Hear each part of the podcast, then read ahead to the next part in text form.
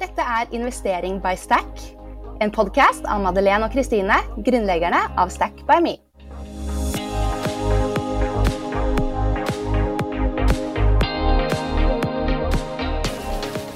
Hallo og velkommen til Investering by Stack. Hallo! Hallo! I dag så blir det rett og slett en Stack-episode, eller ønskeepisode, om man kan kalle det det. Eh, Madeleine, som pleier å være med her, hun hadde ikke mulighet i dag, men jeg er jo heldig å ha flere eksperter på teamet. Så Anita Olsrud, som er vår COO, er med her i dag. Og Anita, du har jo vært med her før også, eh, da du dro oss litt gjennom norsk finanshistorie. Ja, Takk for invitasjonen til å komme tilbake. Det er alltid morsomt å få dele litt av den reisen som jeg har vært på. Eh, og jeg syns det er veldig spennende å sette dagens hendelser også inn i en eh, historisk eh, kontekst. Ikke sant? Så anbefaler virkelig alle å lytte til den episoden dersom du ikke allerede har gjort det. Og vi får veldig mye spørsmål, da, om vi kan snakke mer om ting som vi deler på sosiale medier.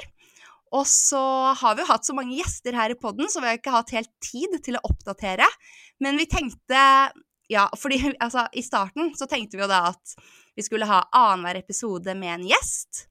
Eh, men så har det jo vært eh, så mange gjester vi hele tiden har hatt lyst til å ha med, så da har det liksom plutselig ikke vært helt tid til å ha sånne oppdateringsepisoder innimellom.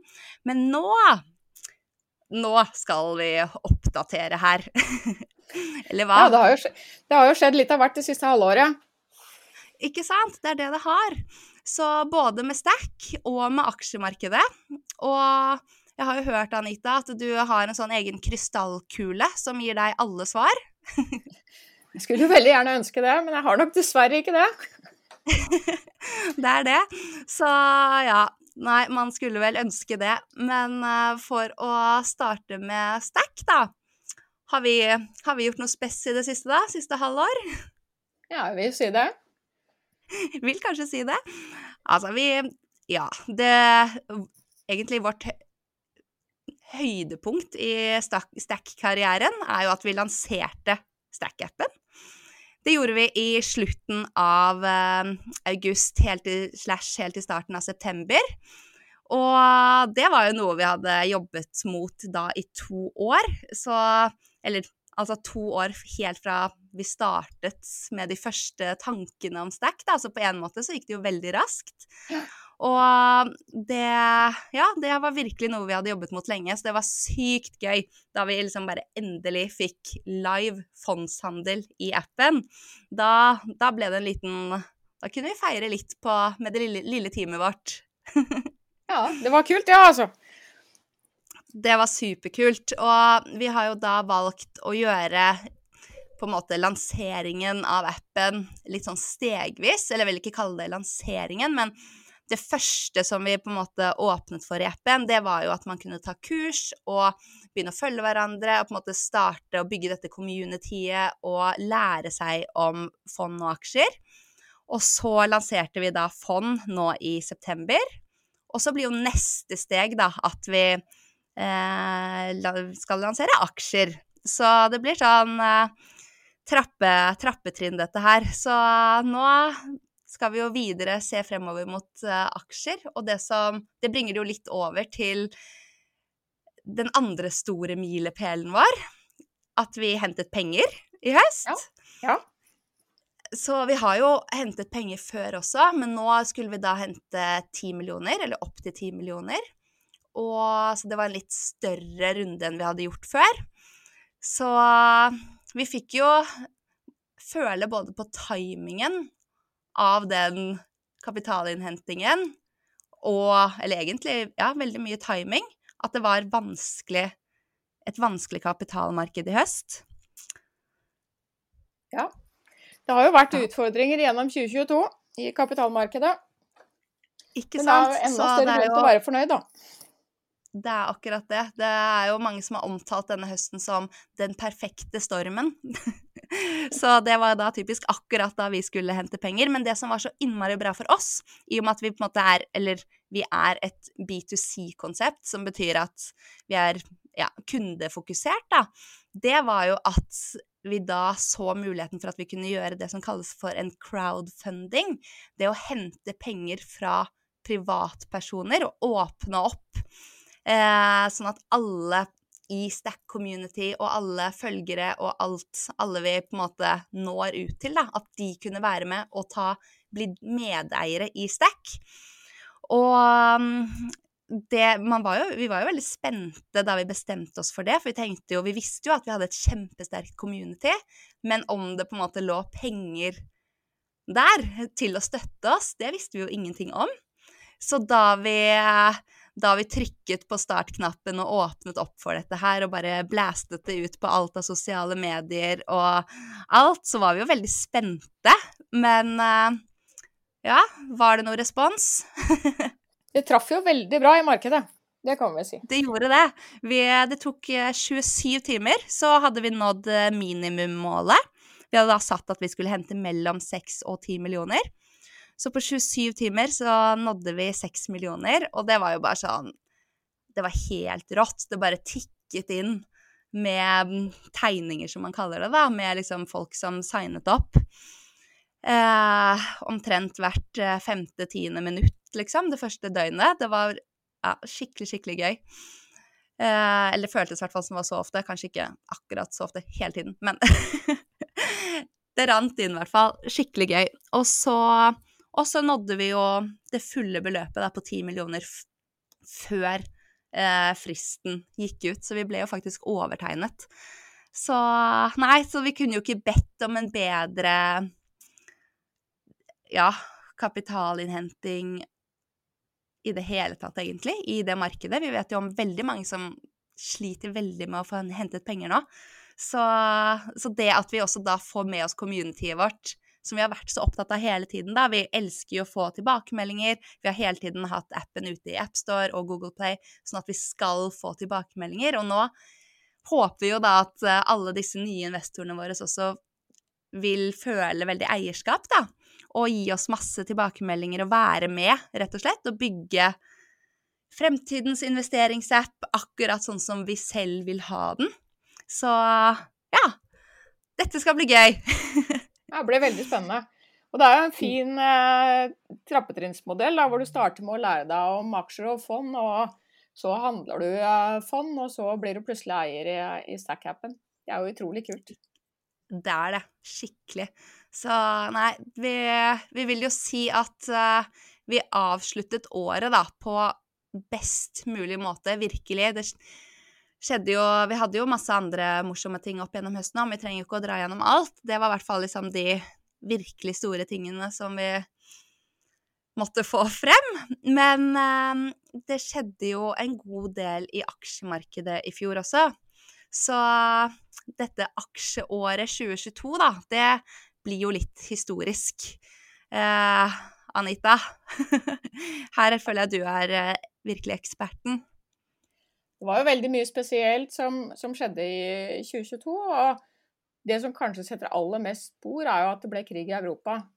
Det er jeg ikke sikker på om det mm. var så mange som hadde forutsett. Eh, det, pre de har jo egentlig prega hele verden, eh, og det setter jo også spor i aksjemarkedene. Ser vi litt på de globale indeksene, så var jo Dow Jones ned 20% fra topp til bunn. Nasdaq med teknologiaksjer var ned 30% fra topp til bunn. Så har jo Dow Jones har jo henta seg bra inn igjen siden bunnen i 2022.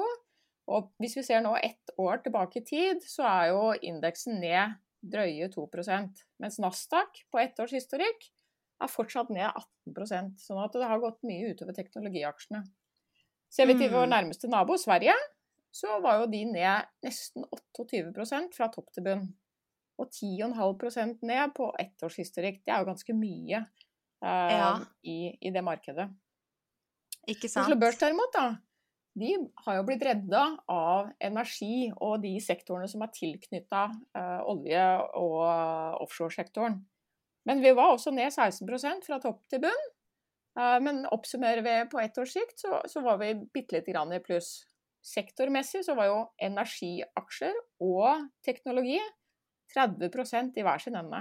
Energi opp 30 og teknologien ned 30 Så det var derfor og, det liksom Oslo Børs var litt spesiell, da, og at de to utjevnet hverandre, og at akkurat den børsen holdt seg ganske flat. Ja, og det er jo nesten unikt at, uh, at man klarte å holde seg i pluss. Men det betyr jo også at det er viktig å være godt diversifisert da, uh, i porteføljen ja. sin. Og så har du inflasjonen, da, som steg i, i raskt tempo. Mye var jo drevet av høye energipriser. Rentene ble satt opp i relativt raskt tempo fra sentralbankene for å redusere inflasjonen. Sentralbankene har jo et mål om å holde inflasjonen på rundt 2% Sånn at vi er ganske langt unna derfra fortsatt. På styringsrenten så gikk jo den fra, fra rundt null hos sentralbankene, og er nå på 2,75% i Norge. Og det øker jo kapitalkostnadene for selskapene ganske mye. Tiårsrenten også i USA, som veldig mange eh, bruker i sine kalkulasjoner, den toppa ut i rett i overkant av 4% Og da er det jo mange av modellene som må oppdateres når avkastningskravene endres så mye. Spesielt så går mm. det utover vekstselskapene som har inntjeningen som er lenger frem i tid. Så nei, vi kan vel konkludere med at 2022 ble et utfordrende år for oss som er i aksjemarkedet. Og så gjenstår det å se hvordan 2023 blir. Både for aksjemarkedene, men også for realøkonomien. Ja, ting eh, henger virkelig sammen, altså. Det som er veldig gøy da, for eh, oss, eller når man driver en investeringsplattform sånn som vi gjør, så, så blir vi jo invitert på eventer med disse store forvalterne for å høre om deres markedsutsikter. Og vi to, Anita, vi har jo akkurat vært på lunsj med Amundi og BlackRock. Um, og vi ønsker ønsker elsker jo å følge med på markedet også. Eh, og det er sikkert flere som har lagt merke til at vi alltid deler weekly news på sosiale medier og i Stack-appen. Og fordi det vi gjør da, er at vi oppsummerer ukens viktigste finansnyheter. Og fordi det som er så gøy, er at når man følger med over en periode, da, så ser man jo hvordan alt henger sammen, sånn som du også eh, sies, ja, forteller, Anita. Hvordan, eh, ja, hvordan virkelig ting henger sammen, da, og at aksjemarkedet går jo hånd i hånd med det som skjer i verden. Og all denne informasjonen, den bruker jo forvalterne når de skal analysere og se på hva de skal investere i videre. Og eh, hvis vi skal starte med Amundi, da, Anita Vi måtte jo splitte oss litt, så du dro dit alene. Eh, hva var det du lærte fra dem, eller hva tenker de liksom fremover? Amundi er jo en, en, eller kanskje den største av Europas fondsforvaltere. Så det er jo mye kompetanse som ligger bak deres presentasjoner. Hovedinntrykket mm. fra presentasjonen er jo at verdensbildet er ganske komplekst om dagen. Og dette ble jo min sånn oppfatning av hva jeg hørte der. Og det er mange faktorer som spiller inn. Eh, slik jeg oppfattet det, så var hovedfokus til Amundi det var på inflasjon, renter og vekst. Inflasjonen mm. kommer nok til å være over målsetningen til sentralbankene, men den kommer nok noe ned fra der vi er i dag. Energiprisen er fortsatt driveren for inflasjon i Europa.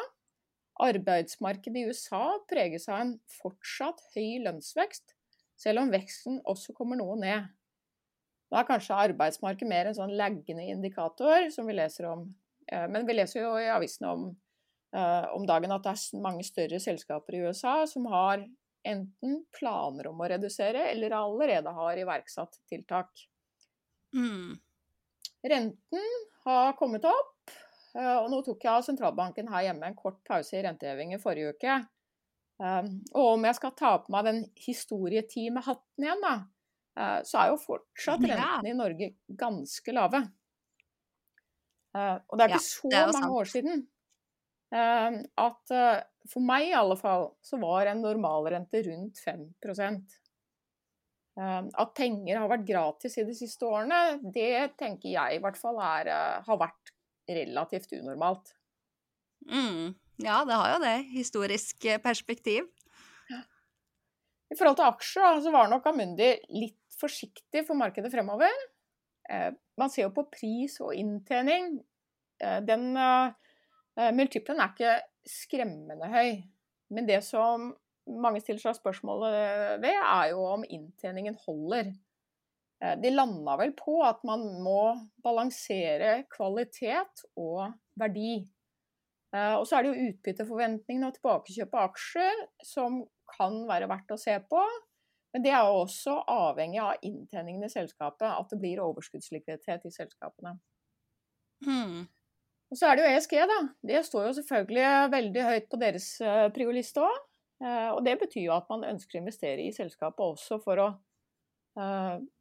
for å tvinge selskapene også til å rette blikket på det som er viktig. Da. Og det er jo klimakrisen som, som er kanskje fremst i panna hos ganske mange forvaltere. At de ønsker å være en, en påvirker på det. Mm. Og det å være en ja, ansvarlig investor er viktig for dem. Mm. Og så er det også litt det interessant å, å, å, se at obligasjoner er tilbake på radaren. Um, og da er det jo investment grade fremfor uh, high yield som man bør uh, fokusere på. Ikke sant. Og ja, det er jo mye av det du sier. Men hva, hva, hva betyr egentlig det? Investment grade fremfor high yield? Det, det er jo et veldig godt spørsmål. Ja. det er litt vanskelig. Det høres litt vanskelig ut. Kortversjonen, da Kortversjonen er at da er sannsynligheten for at du får igjen pengene dine? En obligasjon er jo et lån til selskapet eller til en stat. Og så er det jo mm. forskjellige ratingbyråer som gir selskaper en rating som forteller noe om sannsynligheten for at de klarer å tilbakebetale gjelda si. En høy rating uh, gir en god sikkerhet for uh, tilbakebetaling, uh, og da får man oftere en lavere rente en dårlig rating, altså høyere risiko for konkurs eh, og høyere rente. Um, så du vil jo gjerne ha bedre betalt for å låne ut penga dine, og sannsynligheten for at du får tilbake penga dine, reduseres. Ja, det er sant. Den ser jeg. High yield og junk bonds, som det også omtales, forteller deg at den er en høyere risiko hos motparten. Ah. Ja, ikke sant? Mm. så, så, det er også der, da. Gå litt mer safe uh, bets på, på obligasjonssiden nå. Mm. Og så er det jo en annen ting da, som jeg syns var veldig interessant, så, som Amundi viste. og det var, det var, en graf som viste akkumulert overskytende sparing hos husholdningene i USA. Den er ned mm. 40 fra toppen. Og toppen var jo i slutten av 2021. Og da hadde jo egentlig befolkningen for alle praktiske formål sittet inne og hadde ikke brukt så mye penger. Så det er jo også naturlig at eh, sparingen kommer ned, altså akkumulert. Eh, men 40 er ganske mye. Eh, det spares fortsatt, men kanskje litt mindre enn før pandemien. Mm. Ser man også det i sammenheng da, med, med kredittkortgjelden at den øker, så kan man jo bli litt mer bekymra igjen. Boligmarkedet kan man også bekymre seg for, og det kan man jo bekymre seg for hele tiden. 83% ehm, av konsumentene i USA indikerer at det er dårlig timing å kjøpe, eh, kjøpe bolig nå. Eh, her hjemme så var jo boligprisene litt ned i desember, men for året så var jo boligprisene opp halvannen prosent for 2022. Mm. Ikke sant. Det er det ikke noen som sier at uh, spesielt aksjemeglere er uh, verdens mest bekymrede folk? Eller noe sånt, har jeg hørt. Men, uh, det, og det er jo ikke rart når man sitter med liksom alle disse tallene. Men, og dette er jo kjempevanskelig, men myndighetene har jo strammet veldig inn og tatt masse grep som man spesielt i Norge, eller egentlig overalt, allerede ser at det begynner å få effekt. Så ja, man må vel håpe at ting bare stabiliserer seg mer og mer. Håper ja. jeg. Ja. ja. Um, ja, og den uh, dagen du var hos Amundi, så uh, var jeg hos BlackRock på veldig samme type opplegg. Og de sa jo faktisk veldig mye av det samme uh, som det du har nevnt her nå. Ehm, men enda litt ja, noen uh, flere ting også, egentlig. Um, men uh, ja, BlackRock er jo verdens verdens største fond, mens da Amundi er Europas største, så er BlackRock da enda større og basert i USA. Og masse kontorer over hele verden, da. Men kanskje man har hørt om en som heter Larry Fink? Det er han som da ofte blir omtalt som den ekte kongen av Wall Street.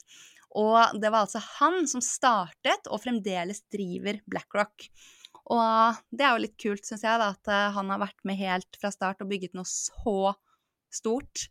Eh, og en liten fun fact er at oljefondet, som eh, forvalter da alle sine, både dine og mine penger, eier 1% av BlackRock, som tilsvarer 10 milliarder kroner. Så, så det er jo litt kult. Så Eh, hva de investerer i, det påvirker jo faktisk eh, også da vår egen formue, kan man jo si. Så ja, så her er det bare å følge med at de investerer riktig. det tror jeg de gjør. Eh, de sier også da at det aller viktigste som verden må fokusere på fremover nå, det er bring down inflation. Altså få, ja, få denne inflasjonen, få kontroll på den. Og alle tiltakene som myndighetene har gjort, det har jo vært helt nødvendige for å få kontroll, mener de. Eh, amerikanske myndigheter vil nå sannsynligvis slippe mer og mer opp, tror BlackRock. Eh, fordi man begynner å se effekt, da. Og det, ja, som sagt, begynner man å gjøre her i Norge også. Og eh, f.eks. da at renten ikke ble satt opp nå på forrige rentemøte forrige uke. Så det blir jo spennende å se fremover. Men det eh, de sa, som jeg likte, veld, likte, veldig godt, og som passer veldig bra med stack-filosofien også, er at når de investerer mye i et selskap, så prøver de å påvirke selskapene til å tenke langsiktig istedenfor å optimere hvert år for å på en måte omtrent liksom lure investorene, da, sånn at eh, regnskapene og liksom resultatene skal se best mulig akkurat det eh, best mulig ut det året. Eh, de ønsker jo heller da at selskapene skal føle at de har en eier som backer, at de tar seg tid til å gjøre det som er aller best for selskapet på sikt. Og ja, og BlackRock kontrollerer hva var det de sa, ca. 20% av det amerikanske aksjemarkedet. Så det er jo sykt mye. Eh, og det betyr jo at de har jo veldig mye innflytelse. Og da tenker jeg at det er veldig bra at de faktisk er så seriøse eiere og tar den på, veldig på alvor, da. Den, eh, den, oppgaven og den makten, eller hva man kan kalle det, eh, de har. Så en annen ja, stor ting vi vil merke fremover, eh, ifølge BlackRock, det er at Kina kommer til å åpne opp. Eh, der har det jo vært eh, pandemi og lockdown helt frem til nå, egentlig. Og det BlackRock har veldig stor tro på nå, da, det blir liksom Kina-relaterte aksjer og emerging markets. Så i og med at eh, Ja, en annen ting som er litt kult med det, at Kina åpner opp, som de sa, det er at også luksus kommer til å bli påvirket av dette her. Fordi ca. 30% av omsetningen i luksuskategorien, den kommer fra Asia. Så da kan det hende at man eh, ser litt oppgang der. Men igjen, hvis Europa blir strammet inn og bruker pengene våre på renter og strøm, så har jo vi litt mindre til overs. Så her er det jo ikke noe fasit. Men, eh, men eh, ja. Kanskje jeg skal Jeg har jo allerede litt luksusfond, jeg, så jeg skal følge med på de. Amundi snakka også om Asia i sin presentasjon. og Kina nevnes jo i veldig mange sammenhenger pga. gjenåpningen etter zero covid. Eh, mm. De nevnte også India som et spennende marked eh, pga. store strukturelle endringer som skjer i India. Eh, og så er det jo fremvoksende markedet er jo definitivt spennende. Men det kommer jo ofte med litt høyere risiko òg. Så har man plass i porteføljen sin til mer risiko, så, så kan det jo være verdt å, å sette seg inn i de markedene også. Ikke sant? Og um, ja, de sa BlackRock sa det, at uh, emerging markets, som du kalte det, ja, fremvoksende markeder, som er viktig å få frem, det var den sektoren som hadde størst vekst i 2022. Eh, og at det også vil være veldig stor utvikling fremover, da. Så ja, det kan være lurt, det, å sette seg litt inn i det. Og vi har jo i Stack-appen også en egen kategori som heter Emerging Markets, så der ligger det jo faktisk noen forslag til bra fond. Så det Ja. Det, ja, masse, masse, masse info. Men eh, jo, én ting eh, til da, som de understreket, det var at det må investeres 10-15 ganger mer kapital i bærekraft for å nå målet om net zero, og at vi her alle har en stemme. Og det var jo Amundi inne på også, som du sa, Anita, ja. at bærekraft er superviktig fremover. Og net zero er jo da dette bærekraftmålet som verden har satt seg, at vi skal nå Er det innen 2050? Uh, ja, og uh, så og så lite CO2-utslipp og diverse. Og det henger jo ifølge mange da i en veldig tynn tråd. Så vi får se. Men det eh, BlackRock da avsluttet litt med, det var et quote fra han her Larry Fink. Eh, og det var da altså eh, A field that inspire you, invest in that direction. Og det syns jeg også var ganske spot on, fordi det kan jo være at eh, noen har fått med seg at vi i Stack ofte sier dette med at your stack is your brand. Altså, finn noe du liker og engasjerer deg i, og begynn der. Så blir på en måte alt mer forståelig, og det blir veldig mye mer gøy. Og sier på en måte veldig mye om hva du står for, da. Og jeg tror også at det er mye av det som ligger i det når Larry Fink sier dette, fordi man vet at spesielt de unge er veldig opptatt av miljø og bærekraft. Og hvis vi får inn mer kapital fra unge, så blir jo det mest sannsynlig, og forhåpentligvis, en stor stemme, da, om man kan kalle det det, i den retningen. Altså at store verdier da vil flyttes over i retning av bærekraft. Så ja. Vi har jo alle et, uh, en, en, god ambisjon om å være ansvarlige investorer, og det tror jeg er viktigere enn noen gang. Ja, ikke sant? Virkelig. Det det får alle se på som sin egen eh, Det er en plikt. Ja, Sette pengene der man, eh, der man, har troen. Ja, definitivt. For å oppsummere litt, da. Det er jo definitivt nok å bekymre seg for i 2023 òg. Eh, men det er også veldig mye som kan gå bra. Aksjemarkedene er jo ofte i forkant av realøkonomien. Og så blir det jo spennende å se hvordan realøkonomien utvikler seg i 2023. Uh, og mm. det er vel også på sin plass Kristine, å gjenta at time in the market beats timing in the market. Ikke sant? Enig. Det å være investert over tid, det er uh, det historien har vist at uh, Eller det har alltid vist vekst. Helt fra aksjemarkedene åpnet, så har man tid og et lang tidshorisont så, så bør det være det aller beste stedet å være. Så ja.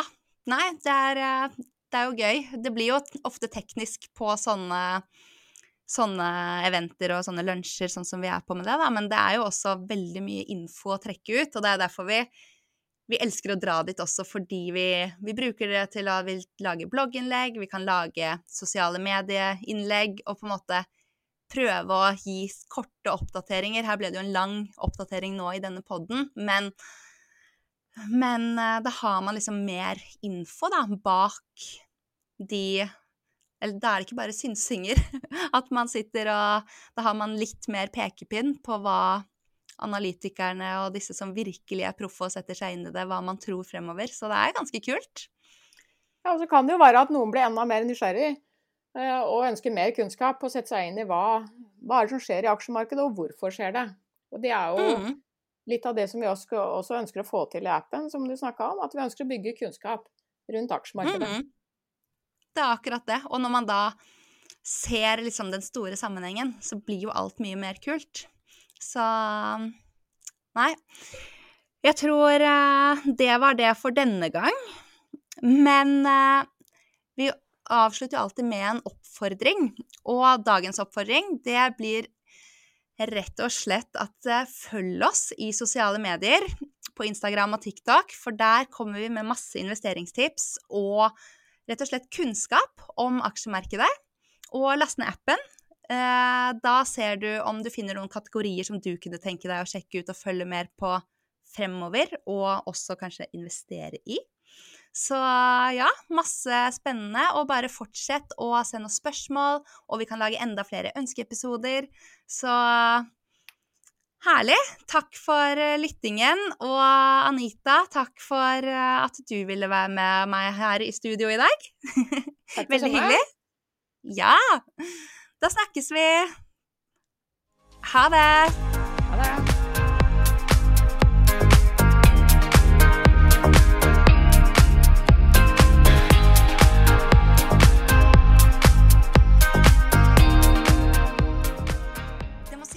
Denne podkasten må anses som markedsføringsmateriell, og innholdet er aldri en investeringsanbefaling.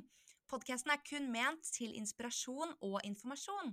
Så innholdet i podkasten bygger på offentlige, tilgjengelige kilder som Stack anser som pålitelige, men vi kan ikke gi noen garanti for nøyaktighet og fullstendighet bak dette.